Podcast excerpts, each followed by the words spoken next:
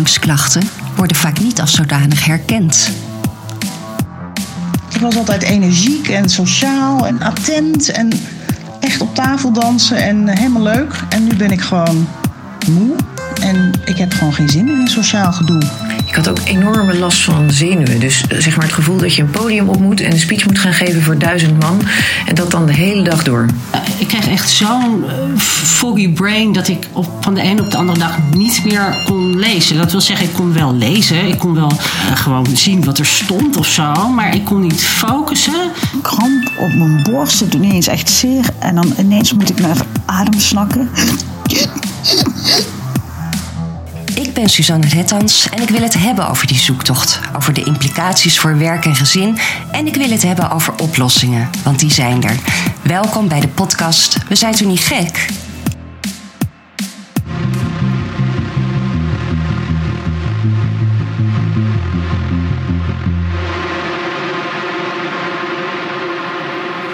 En welkom bij de tweede aflevering van We zijn toch niet gek, die in het teken staat van hormoonsuppletie.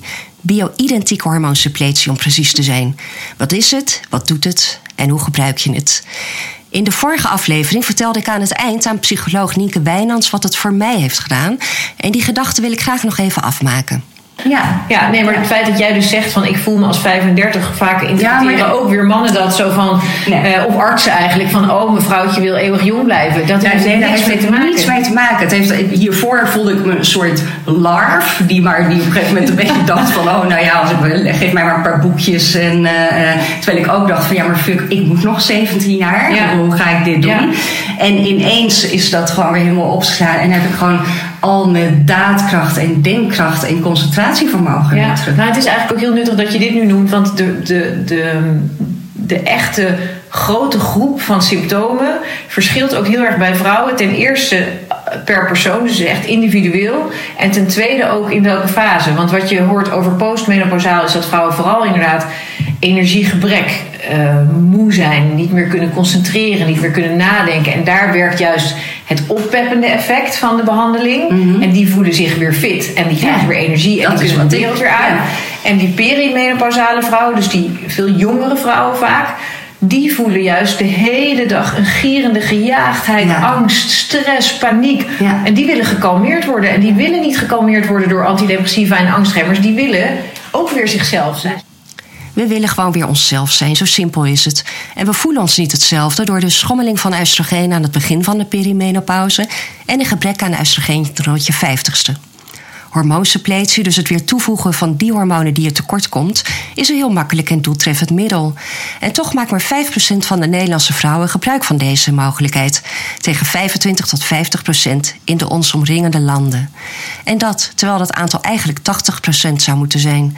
Want dat is het aantal vrouwen dat van haar klachten af is door hormoonsuppletie. Wat ik daar schijnend aan vind, wat we net al zeiden, als je dan leest hoe die vrouwen zich voelen. Ik bedoel, het is echt een uh, uh, hele zware mentale last om, om te dragen. Uh, en, en er valt altijd iets om. Dus op een gegeven moment uh, is het of het werk, of, of de thuissituatie, mm -hmm. of de vrouw zelf gewoon, die gewoon ja. echt helemaal, uh, nou ja, ja. omvalt.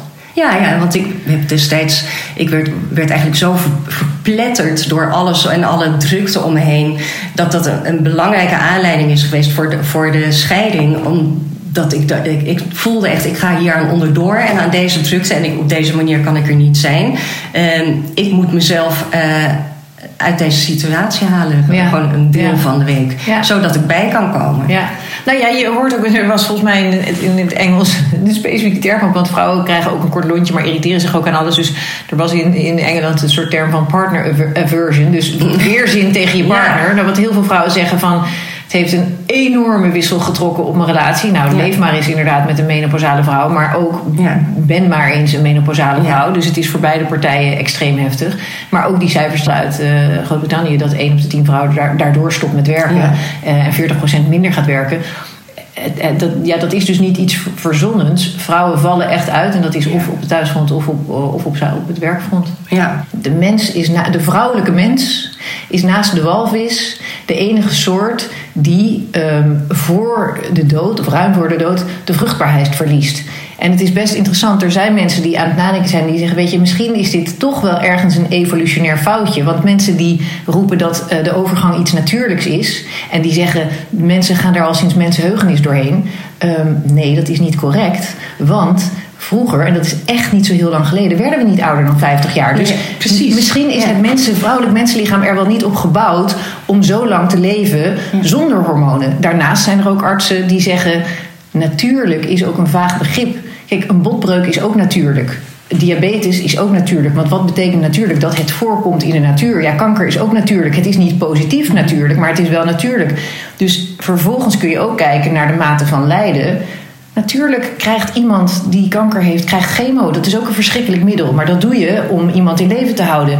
Iemand die niet goed kan zien, die geef je een bril. Iemand die diabetes is, daar, ga je, hè, daar heb je ook wel... Waarom? Dus bij een probleem wat vrouwen zoveel leed bezorgt... zou je dan zeggen van nee, eh, dat mag niet... want het is zogenaamd een natuurlijk proces. Nou ja, ik denk ook dat dat komt doordat er zo'n angst is eh, voor hormoonsuppletie. Ja. Eh, eh, behalve dat er niet zoveel kennis over is, is er ook heel erg veel Ja. angst. Want er wordt meteen geroepen: nee, daar krijg je borstkanker Ja. van, verhoogde kans op borstkanker. En ehm, eh, ja, of vrouwen hebben, zo, die hebben inderdaad allerlei klachten en die denken: dit komt door hormonen. Nee, ik wil niet meer aan de hormonen. Terwijl Ja, terwijl de hormonen hun wel parten spelen op dat moment. Zegt gynaecoloog Dorenda van Dijken van het OVG in Amsterdam. Ja, dat, ik vind dat zo typisch Calvinistisch Hollands. En eh, ja, weet je, het is voor iedereen zijn eigen keus. Je moet het doen zoals jij je er goed bij voelt. Francine Ome eh, is gestopt met werken en lekker in de moestuin gaan zitten. En die is er op die manier goed doorheen gerold. Ja, mijn zegen heeft iedereen. Maar niet iedereen kan het zich permitteren om tien jaar of wat is het, Nee. vijf, zes jaar te stoppen met werken. Nee, en, Dus- en ja, we moeten weten- nog eh, 16, 17 jaar. ja, Dus- en we weten wat, de overga- wat voor impact overgangsklachten op je werk en op arbeidsverzuim en op de werkvloer kunnen hebben. Dus ik zie het liever anders. Ik denk als je hoge bloeddruk hebt of je hebt suikerziekte, dan neem je daar ook iets voor. En ja, wij waren de laatste in Nederland met pijnbestrijding bij de bevalling ook. Hè? Ja. En wij zullen dus ook de laatste zijn in Nederland die de overgang serieus nemen en die daar iets mee gaan doen. Ik zou soms tegen vrouwen willen zeggen: loop eens een dagje mee op mijn poli. Want als wij vrouwen zien zitten die te zeggen van ik heb tien jaar al geleden. Ik wou, en nu mag ik niet meer, want ik ben te laat. Ja. Of ik heb, heb- moet mijn weer baan moeten opgeven, want ik had een burn-out. Als ik terugkijk, heeft de, de overgang geeft geen burn-out, maar het speelt zeker een rol. Dat ik denk, er zijn zoveel gemiste kansen. Ja. We leven in een tijd dat het allemaal kan. En als je ziet wat vrouwen eh, slikken, smeren, eh, eh, waar ze zich mee in laten spuiten, zonder ook maar kritische vragen te stellen hoe gevaarlijk het is, Ja. dan denk ik ja, eh, alcohol. Dagelijks alcohol, 12 een, meer dan 12 eenheden per week, eh, heeft, geeft een dubbel verhoogd risico op borstkanker. Veel meer dan dat hormoontherapie ooit kan doen. Ja. De- dus ik vraag wel eens, als ze zeggen, ja, zo slecht die hormonen krijg je kanker van. Dan vraag ik wel eens, drinkt u ook wel eens een glaasje wijn? Zo ja, hoeveel drinkt u dan? Nou, één, twee flessen per week is niet ongebruikelijk Nee, hoor. nee. Dat kan echt meer kwaad. Ja, Ik, ik, ik vind het niet meer van deze tijd. Nee. Nee, en wij lopen in. Nederland echt achter de troepen aan hoor. Mhm. Alle landen om ons heen is het en meer bespreekbaar en worden vrouwen beter geholpen, wordt meer hormoontherapie voorgeschreven. En ja, als je vrouwen vraagt van wat doet hormoontherapie voor je? Nou, dat is. eh, er zijn verhalen genoeg. De kans na je veertigste om borstkanker te krijgen van alcohol of van de pil is groter dan van hormoontherapie. Echt Ja. waar. Ja, waar komt die angst voor borstkanker nou vandaan? Die is vooral gekomen nadat de resultaten van een grote gezondheidsstudie, de Women's Health Initiative, in 2002 werden gepresenteerd. En daarin werd hormoontherapie in verband gebracht met een hoger risico op trombose en borstkanker. Maar met dat onderzoek was van alles mis. Dat is de Women's Health Initiative studie. Dat was een eh, studie die gedaan is omdat ze merkten dat hormoontherapie zo goed werkte bij vrouwen. Waren een aantal onderzoekers in Amerika en die hadden bedacht dat als het bij vrouwen in de overgang zo goed werkte, dat het misschien voor oudere vrouwen, en maar 10% van die studiegroep waren vrouwen in de leeftijd in de overgang aan wie we het voorschrijven. En 80 tot 90% was dus echt 60, 70, zelfs 80 plus. Dus dat is een andere groep vrouwen. Er werd gewerkt met synthetisch oestrogeen, dus niet dat bio-identieke, wat we tegenwoordig in Europa al jarenlang doen. En er werd gewerkt met een type progestageen, wat inderdaad iets meer uh, risico gaf op borstkanker. Dus het zijn appels met peren. Het is een oudere groep vrouwen. Het zijn andere producten. Er wordt, werd ook toen nog helemaal niet gekeken naar die toedieningsvormen via de huid, die veel veiliger zijn. En in die studie die toen gedaan is, is bijvoorbeeld ook niet gecorrigeerd, wetenschappelijk gezien, voor vrouwen met overgewicht, waarvan we weten dat dat meer risico borstkanker geeft.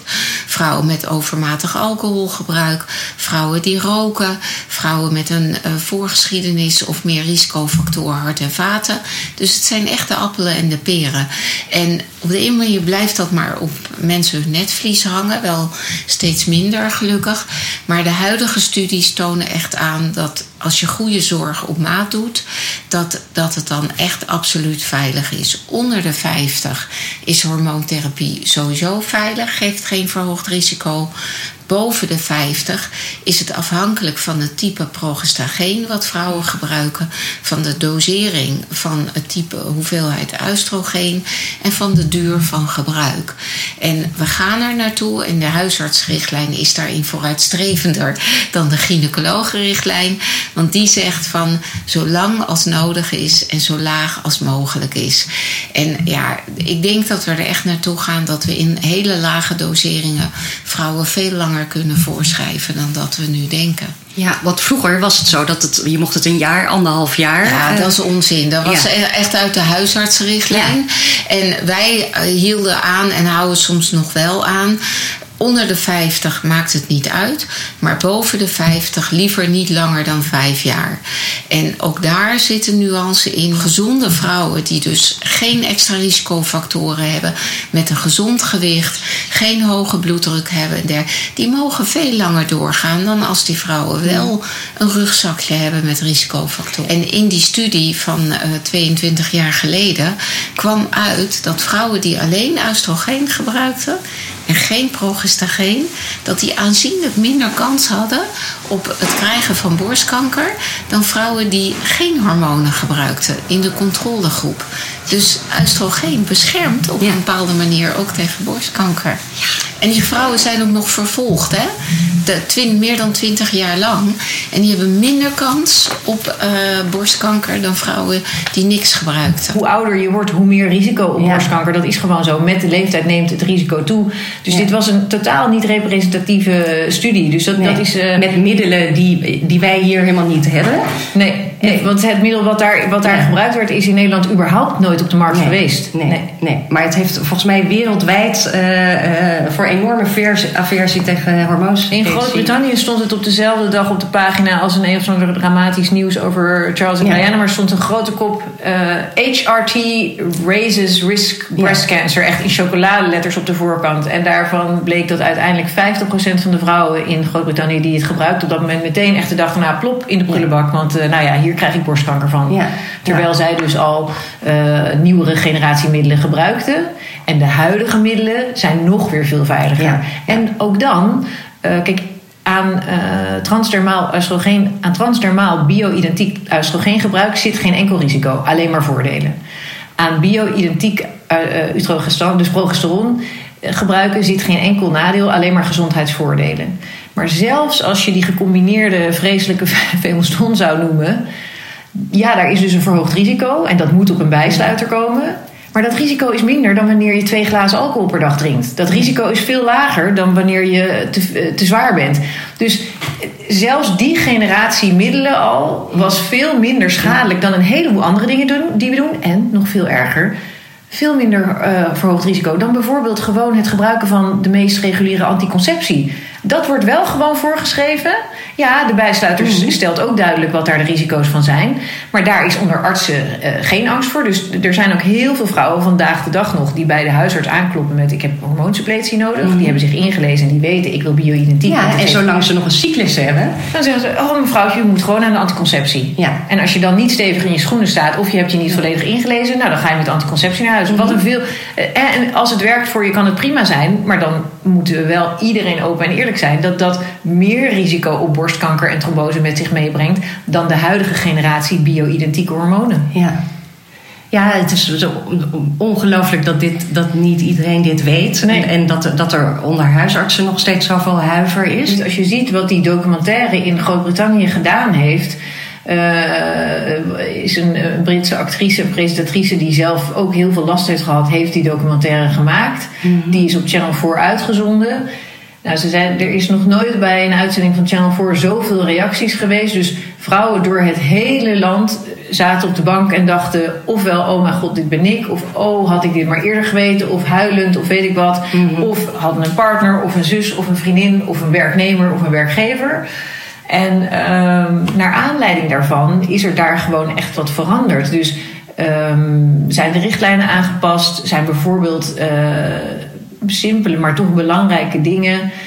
Als een vrouw van menopausale leeftijd zich presenteert met eh, sombere, depressieve of anderszins mentale klachten, is, mag de eerste lijns eh, vorm van behandeling niet langer antidepressiva zijn, maar moet eerst gekeken worden naar eh, hormoonsuppletie. Weet je, dat soort dingen. Ja. En ook in Groot-Brittannië zie je trouwens helaas nog steeds dat in theorie, op papier, is het allemaal bekend. En ook daar komen vrouwen nog bij hun huisarts aan in hun, in hun dorp. En die man die draait met zijn ogen en die denkt: Mevrouwtje, waar heeft u het over? Dus neemt u maar de pil of, of, of uh, zak it up, weet je, je Ja. moet er doorheen. Ja. Maar ik merkte wel dat qua bewustwording daar heel veel gebeurd is. Dus dat ik denk, nou ja, zo, da- daar moeten we ook naartoe. Kijk, die huisartsen, daar wordt altijd heel erg op gemopperd, maar dat valt wel mee hoor. Er zijn heel veel huisartsen, in ieder geval hier in de regio, eh, heb ik alleen maar aardige huisartsen die het goed oppakken al jaren. En als ze er niet uitkomen, dan, eh, ja, dan nemen ze heel laagdrempelig contact op, maar ook uit de rest van Nederland. Maar het is een beetje, eh, en daarom verspreiden we dat ook. Als je dit niet weet, dan denk je er niet aan. En we merken dus dat we een soort bewustwording eh, ineens creëren. Vrouwen herkennen zich in het verhaal. En dat vrouwen zelf ook zeggen van... eh, ja, dat, dat, dat ben ik gewoon. En dan gaan ze naar hun huisarts. Wij proberen juist ook webinars te geven... en die informatie onder huisartsen te verspreiden. En we proberen een enorm netwerk op te zetten... waarin dus andere zorgverleners hier ook ervaring, die hier ervaring mee hebben, of dat met elkaar kunnen delen of opdoen. Ook vanuit de huisartsen zelf wordt er veel over na, aan nascholing gedaan. In de richtlijn staat het nu, maar dat is pas sinds een jaar. Dat is nog maar heel kort. Maar huisartsen erkennen nu dat het wel serieus genomen moet worden en dat er een groep vrouwen is die er wel degelijk last van kan hebben. En naast de eh, standaard, de richtlijn die ze hebben, hebben we nu ook eh, eh, op thuisarts.nl keuzetabellen gemaakt. Er komt nu ook een keuzehulp aan, die is bijna klaar. Waarin je dus als vrouw zelf kan aanvinken: ik heb dit, ik heb dat. En dan rolt er dus als het ware een soort van adviesje Advies uit. ja. dat je dus zelf uitkomt bij wat voor jou het beste zou zijn. Ja. De informatie over die verschillende producten staat ook in de keuzetabel. Die staat er nu al in, die is al gepubliceerd. En dat is op thuisarts. Thuisarts.nl. Maar alle ins en outs, ja, dat is echt kennis die een zorgprofessional moet hebben. En ja, als het niet, het zit bij de huisartsen nog steeds niet in de opleiding. Als deze huisarts toevallig net niet die nascholingen gevolgd heeft, ja, dan weet hij het niet, want ze moeten al zoveel weten. En ja, ik kom bij heel veel huisartsenpraktijken in Amsterdam. Nou, volgens mij ben ik bij bijna allemaal geweest. Een avondje in de praktijk. En dan zie je gewoon daarna dat ze zeggen: wow. En dan gaan ze het ineens allemaal doen. En eh, ze staan er hartstikke open voor. Maar het is voor hun soms ook nog een beetje nieuw terrein. Ja, want ik had eentje in, in Amsterdam die, nou ja, dat was, die is echt nog, terwijl het eigenlijk een hele jonge arts is nog, die zei, eh, Van, nou, nee, nee, daar krijg je borstkanker van. Ja, maar dat, nou, dan moet je echt een hoek opzoeken en zich heel hard gaan schamen. Want dat is echt uit de oude doos. En dat hebben ze dus in die richtlijn ook genuanceerd. We hebben ook een handleiding geschreven over hormoontherapie. Waar, die zit in de algemene database-richtlijn, waarin je alles kan zien. eh, wat de mogelijkheden zijn. En jonge huisartsen horen dit al helemaal niet meer te roepen. Want die, die hebben wel de nascholing gevolgd. En is dit, zit Ja. dat ook allemaal in die richtlijnen ehm, eh, voor huisartsen? Want het is eh, mijn ervaring dat je dan, als je zegt van oh, en ik heb eh, met nachtzweten bijvoorbeeld, nou, dan krijg je femoston. Eh, Eh, nou ja, kijk. ik heb nog nooit gehad dat een huisarts iets anders voorschreef. Nou, dat is, daarin is die nieuwe richtlijn juist heel fijn. Want je hebt eigenlijk van hormoontherapie twee varianten grofweg. Je hebt de toedieningsvorm als tablet. Dat is, eh, en dat is wat je net noemde. Maar die heb je ook in verschillende varianten. Maar je hebt ook de toedieningsvorm via de huid. En het oestrogeen is in alle vormen bio-identiek. Maar de toedieningsvorm via de huid, daarvan weten we dat hè, die, die, die gaat niet langs je lever. Dus die heeft geen tromboserisico, is beter voor hart en vaten. En die heeft een veel stabielere opname in je bloed. Dus je krijgt een stabielere spiegel. Dus vrouwen die eh, last hebben van stemmingsklachten, die doen het beter op die toedieningsvorm via de huid over het algemeen. En dat combineren we met het bio-identieke progesteron. Dat is veiliger, nog, nog veiliger dan eh, dat synthetische wat voor je borstweefsel. Maar dat heeft als bijwerking dat je er een beetje slaperig van wordt. En die bijwerking kan juist een win-win zijn. Want eigenlijk is slaap bijna het beste medicijn. Als je beter slaapt, dan zie je ook vaak dat je minder moe bent. Dat het kortere lontje minder op de voorgrond staat. En dat je je beter gaat voelen. En die vorm van hormoontherapie staat ook uitgebreid in de nieuwe huisartsenrichtlijn. En huisartsen, eigenlijk zie je op dit moment een beetje een trend dat ja, het is nu bijna 50-50. Maar we neigen ertoe dat die toedieningsvorm via de huid... die is echt wel in opmars. En die hebben we in Nederland in drie vormen. Een pleister, een spray en een gel. En eh, ja, die, die doet het over het algemeen. En die heeft dus ook minder... die is beter voor hart en vaten ook. En ook beter voor je eh, vetspectrum... voor je cholesterolwaardes en dergelijke. En vooral voor je vrije vetten je triglyceride. Dus, maar ook voor je bloeddruk. Dat is, net Ja? als een anticonceptiepil Ja. kan dus een tablet met eh, eh, hormonen en het synthetische progestageen kan ook een wat verhoging van je bloeddruk geven. En dat doet die andere vorm dus niet. Oké, dus dat is gewoon via de huid? Ja, ja En- en- maar je hebt pleisters. En die pleisters die plak je twee keer per week. En die plak je, ik zeg altijd, waar, daar waar je bikinibroek Mhm. zit. Maar die, zit je, dus- die zie je dus wel zitten. zijn waterbestendige pleisters. Eh, twee keer per week is voldoende. Die heb je ook in verschillende doseringen. Je hebt een spray. En dat is gewoon net als een parfum, zeg maar. Die spray je op de binnenkant van je onderarm, bovenarm of bovenbeen. En die, zie, die droogt heel snel op. En die zie je dus niet zitten. Die doe je dagelijks. En je hebt ook een gel. En daar geldt hetzelfde voor als de spray. Die doe je ook dagelijks. En eh, het is wat iemands voorkeur heeft.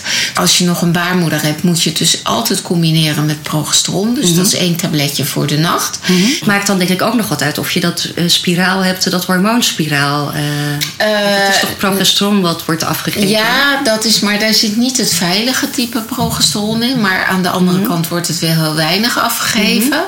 Eh, kijk, het is zo dat ehm, je moet ook onderscheid maken tussen vrouwen met een baarmoeder en zonder baarmoeder.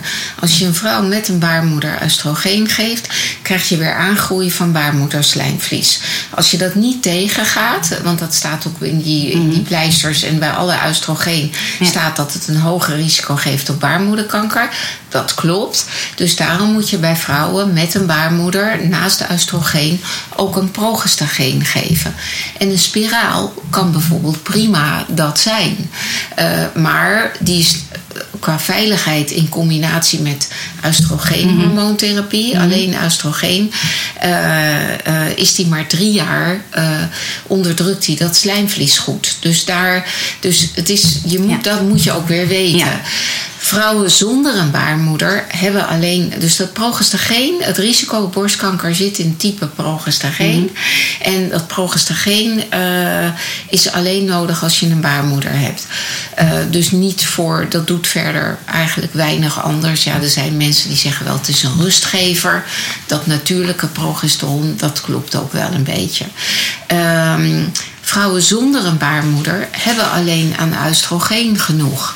En dan Ja, komt er ook weer een nieuw tablet in waarin het bio-identieke oestrogeen gecombineerd is met het bio-identieke progesteron in één tablet. Dus dat is ook weer, dus er komt alweer van alles aan. Ja. Maar die heeft ook weer geen tromboserisico of iets. En, ja, En ik heb ook eens iets gehoord over fyto. eh, ja, fytoestrogenen. Nou, dat fytoestrogenen zijn eigenlijk planten, bepaalde planten Oh ja, hebben een oestrogeenachtige werking. Bijvoorbeeld soja is bekend, maar ook eh, bijvoorbeeld rode klaver. Het zit in hop. Eh het is nog een plantje met witte bloemetjes, dat heet zilverkaars. Ja, eigenlijk is als je kijkt naar de onderzoeken die daarna gedaan zijn, de bewijskracht dat dat werkt is vrij laag. Mhm. Maar er is een groep vrouwen die daar baat bij heeft. Wij adviseren wel altijd om een eh, EMA geregistreerd product te kopen. Niet zomaar ineens soja gaan eten en eh, niet zomaar ineens zilverkaars gaan kopen zonder dat het echt een geregistreerd product is. Want eh, het kan ook kwaad. Hè? Eh, zilverkaars kan ook giftig zijn voor je lever. Ik ben gewoon ook altijd door huisartsen te bellen. En ik heb liever dat ze bellen en dat ze overleggen en dat ze iemand goed kunnen helpen. Ja. Dan dat ze maar wat doen. Maar het lastige is de, dat tablet wat jij noemde. Ja. Ja. die is natuurlijk wel de meest bekende. Ja. En deze vorm is voor huisartsen nog niet zo bekend. Maar het, gaat, het, het komt er echt aan. Ja, Dat- ja. Maar het is een beetje.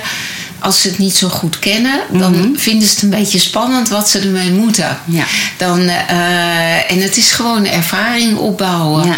En merken dat die jongere generatie veel meer op die bio-identieke hormonen en zich veel ja, meer thuis voelt met het voorschrijven van die variant van hormoontherapie. Ja.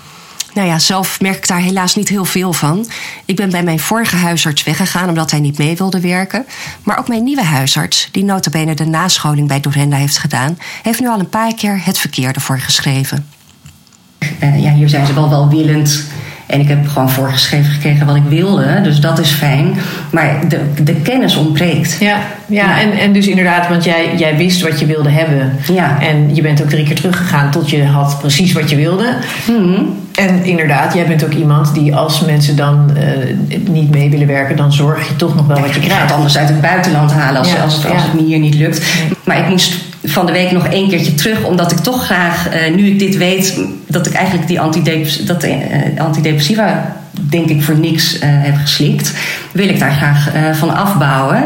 Eh, dus toen dacht ik, het is toch wel handig als ik zo meteen, want zij heeft bij het OVG zo'n multidisciplinair team Ja.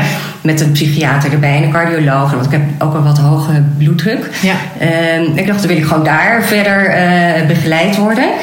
Eh, en toen had, kreeg ik dus even een vervanger, hele jonge huisarts. Hij zag eruit als begin 30.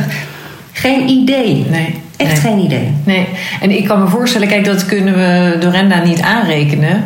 Ehm, en zij hoopt dat dat zo is. En de nieuwe richtlijnen zijn er inderdaad ook in Nederland. Maar de ervaring van de patiënt eh, blijkt toch.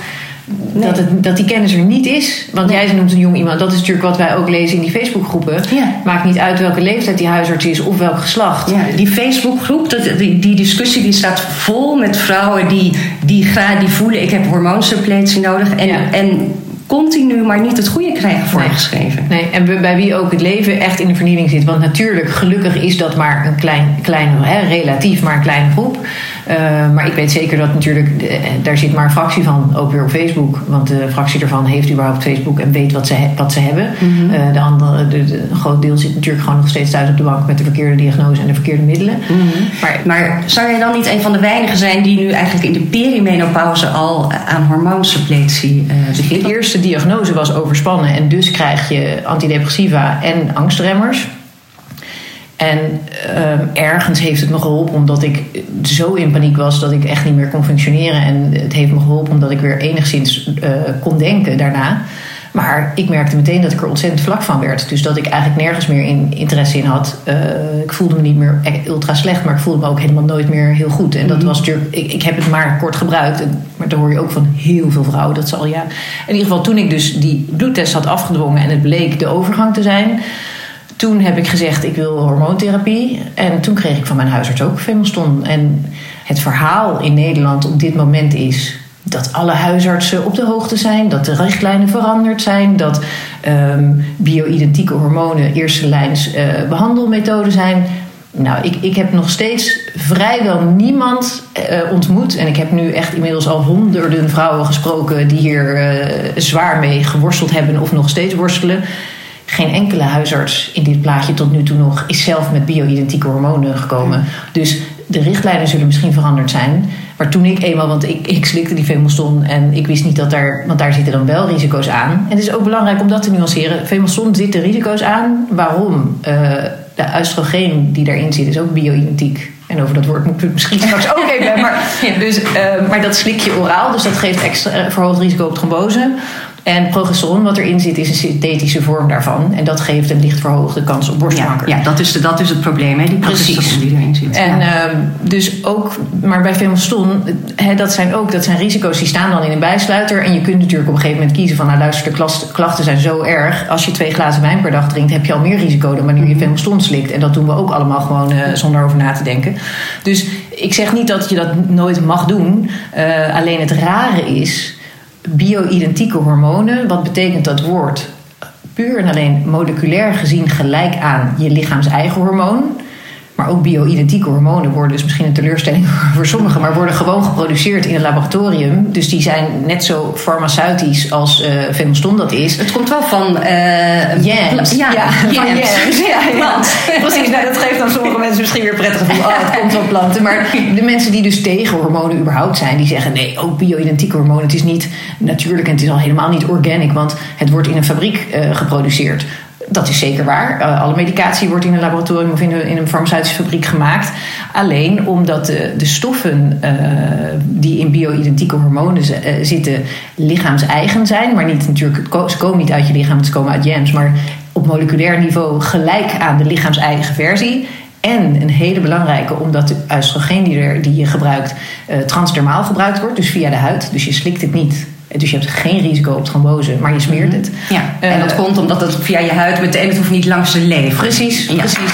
Ja. En, ehm, maar het interessante daarvan is dat ik het idee heb dat bij sommige huisartsen het woord bio-identiek hen al, omdat ze geen kennis hebben, en het idee geeft alsof je een soort kruidenvrouwtje wil zijn of dat je op de alternatieve tour wilt of weet ik wat. Terwijl het zijn ook gewoon middelen die door Sandoz geproduceerd worden. Dus het, het zijn gewoon medicijnen. En vervolgens als je ik, ik, spreek nu regelmatig met vrouwen die dus inderdaad of met Femoston de deur uitgaan of met antidepressiva of eh, angstremmers.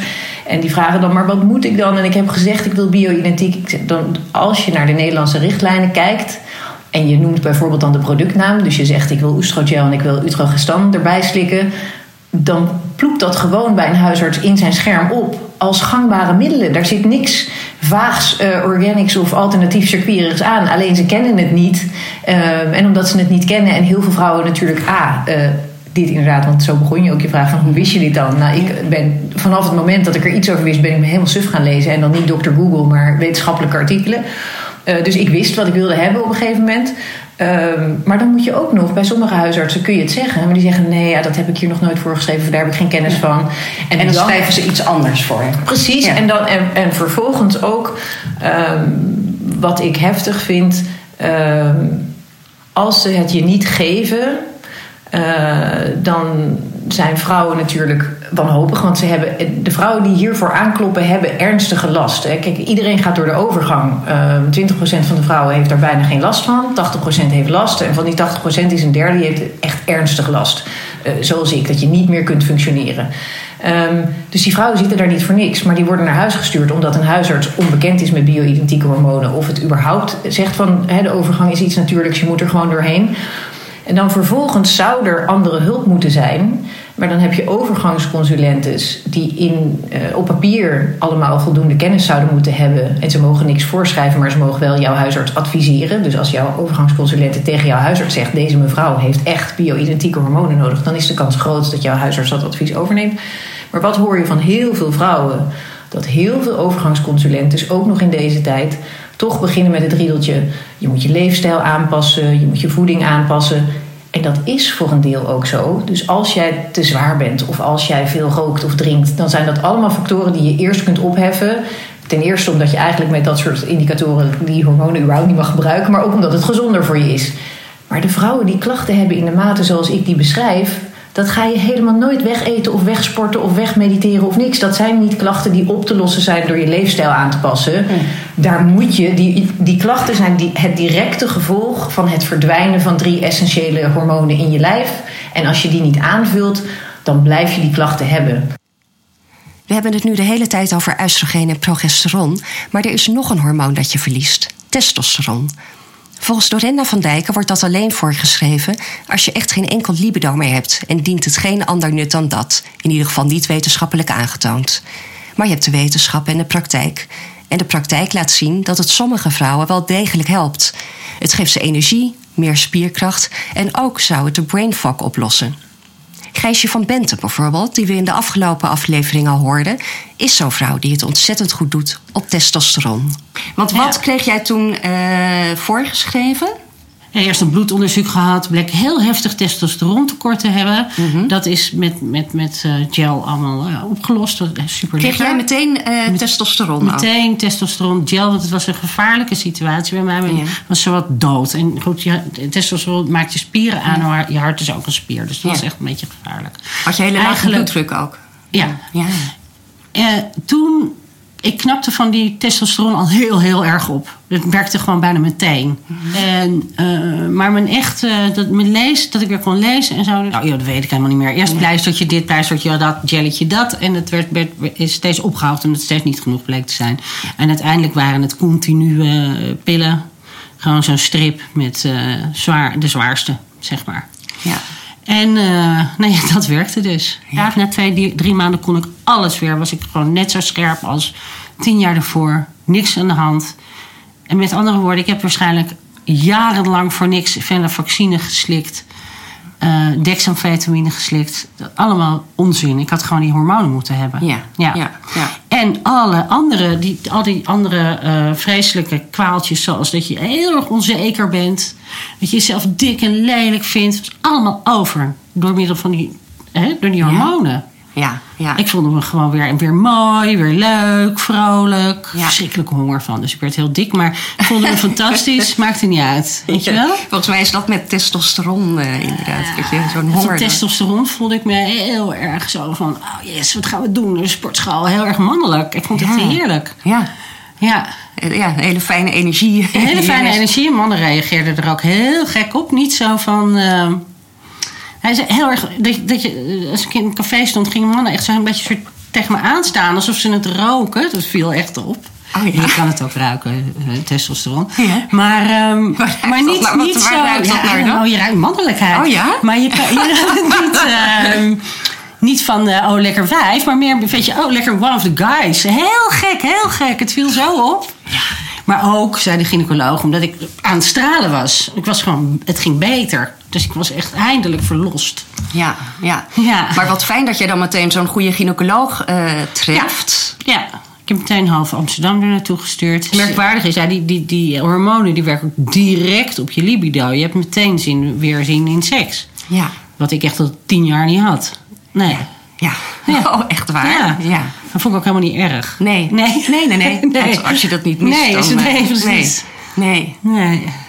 Ben jij nu hormonen aan het uh, smeren, plakken? Nee. nee. Nee, nee, Maar ik zit er wel weer aan te denken, eerlijk gezegd. Om terug te gaan naar uh, de gynaecoloog om te vragen of er ook... Uh, ja. Um, wat, wat ja, dingen zijn die, die, we, die kan doen aan hormonen die, niet, die we door mogen slikken, zeg maar. Ja. Dus allerlei supplementen. Ik ben wel dus DHEA aan het slikken weer. Dus een supplement die je hormonen een beetje in gang zet. Dat is een mhm. voorloper ook die je testosteron aanzet. En ik ben namelijk weer bang nu dat ik een beetje een testosteronval heb.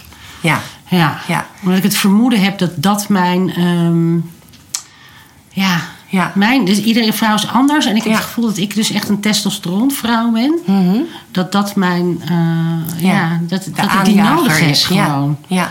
ja. ja. Nou ja, inderdaad, met, het, met dat nodig. Uh, dat, dat, voel ik ook met die, uh, uh, met die oestrogenen. Wat, wat dan nu. Dat, ik, ja, ik heb de gel, dus dat smeer je dan. En ik heb nu smeer. Ik heb altijd smiddags rond een uur vier, half vijf. heb ik een dip. Ja. Nou, Vroeger ging ik dan drinken. Ja, ja. dacht ik, ja, even lekker een wijntje. en nu smeer ik, hè. Dan moet je op je dijen smeren. dus dan, Nou ja, dan is het net alsof, alsof zeg maar, een, een droog plantje weer water krijgt. Ja, oh, wat goed. Wat, wat heerlijk. Dus echt binnen een half uur, dan is het helemaal... Eh, heerlijk. Uh, ja, daar kikker je helemaal van op. Dus het is ongelooflijk wat een, uh, wat een invloed dat heeft. Ja. Ja. Ja, dat had ik met die testosteron dus ook. Dat smeer je op je buik. Ja. En dan ga, krijg je binnen 20 minuten een enorme energiekick. Ja. Ja, nou dat hoor ik inderdaad van anderen die, die eigenlijk zich al soms al jaren ziek voelen en ze, en ze doen dat en binnen een half uur uh, staan ze zingend, uh, zijn ze het huis aan het schoonmaken en uh, ja. ja. ja. ongelooflijk hè het niet. Maar nu had ik dus een vraag. vraag want mhm. ik zat vanochtend na te denken over het woord overgang. Ik dacht, het is eigenlijk zo'n gek woord. Het heeft iets alsof het een hele lange periode is. Dat is het dus ook. Mhm. Maar er zit ook een soort catharsis in ingebouwd. Alsof het daarna over is. Je gaat over en daarna is alles anders. Maar ik heb steeds meer het gevoel dat dat niet helemaal waar is. Nee, en er, er zijn ook verschillende lezingen over. Um, ik heb natuurlijk gesproken met Dorenda van Dijken. En die zegt wel... Uh, het stabiliseert zich weer. Ja. Uiteindelijk. En het begint inderdaad, eigenlijk begint het al met die vroeg, de PMS-tijd eigenlijk. Dan, dan, dan begint de verandering. Um, uh, en dat gaat door. Uh, uh, ja, de menopauze is dan je, je laatste menstruatie. Mm -hmm. Maar dat weet je eigenlijk pas na een jaar. Want het kan eerst, nou ja, heb je om de paar maanden kan het opeens toch weer toch weer beginnen. Ik weet wel dat bij mij was het al een tijdje klaar en toen kreeg ik corona. Uh, ja. En daarna begon het weer. Ben ik weer ja. bijna een jaar. Uh, dat heb ik dus heel vaak gehoord. Ja. Corona en ook vaccinaties. En ja. ja. ja. En nu is het dan wel echt al acht maanden of zo voorbij. Dus ik denk dat het nu wel gewoon klaar is. Uh, ja, de, ik krijg het idee dat er twee lezingen zijn. En ja, op zich is het natuurlijk als die hormonen afnemen, ja, dat komt nooit meer terug. Dus in die zin uh, ja, gaat dat nooit over. Nee. Uh, misschien dat je ermee leert leven. maar eigenlijk als je, als je hormonen toe gaat dienen, dan ben je, ja, ben je eigenlijk, ja, functioneer je veel beter en gaat alles in je lichaam veel beter. Ja. Nou, ik, ik, ik, ik ben dus net, ik ben wel weer twee jaar geleden gestopt met hormonen. Mm -hmm. eigenlijk ik kreeg corona en was, was vergeten ze te nemen. En dacht toen, oh, het gaat eigenlijk wel prima.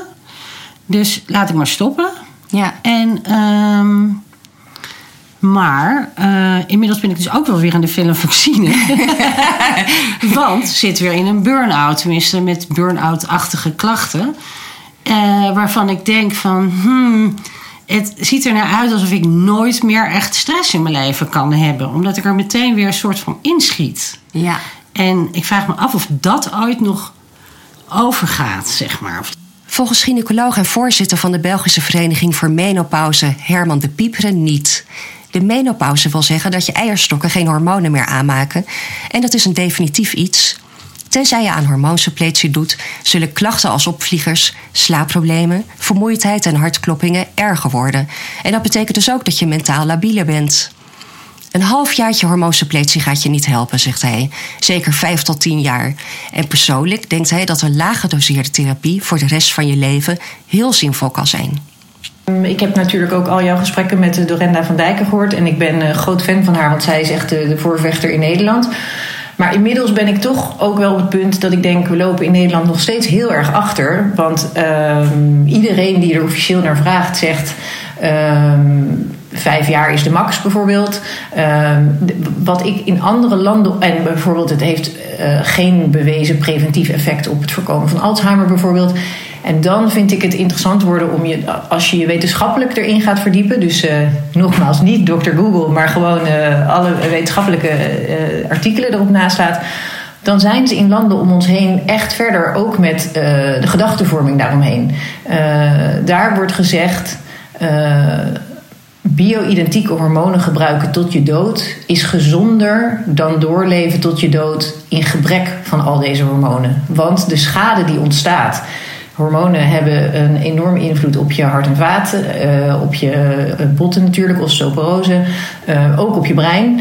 En heel veel buitenlandse wetenschappers, en dan heb ik het echt over neuropsychologen, of neuro, uh, neurodeskundigen, neurowetenschappers, mm professoren in de neurowetenschap, um, die ook onderzoek hebben gedaan. En die hebben aangetoond bijvoorbeeld dat als ze een heel cohort menopausale vrouwen nemen um, en degene met, dan blijkt dat degene die hormoonsuppletie gebruiken een significant verlaagd kans of risico hebben om Alzheimer's te krijgen op latere leeftijd.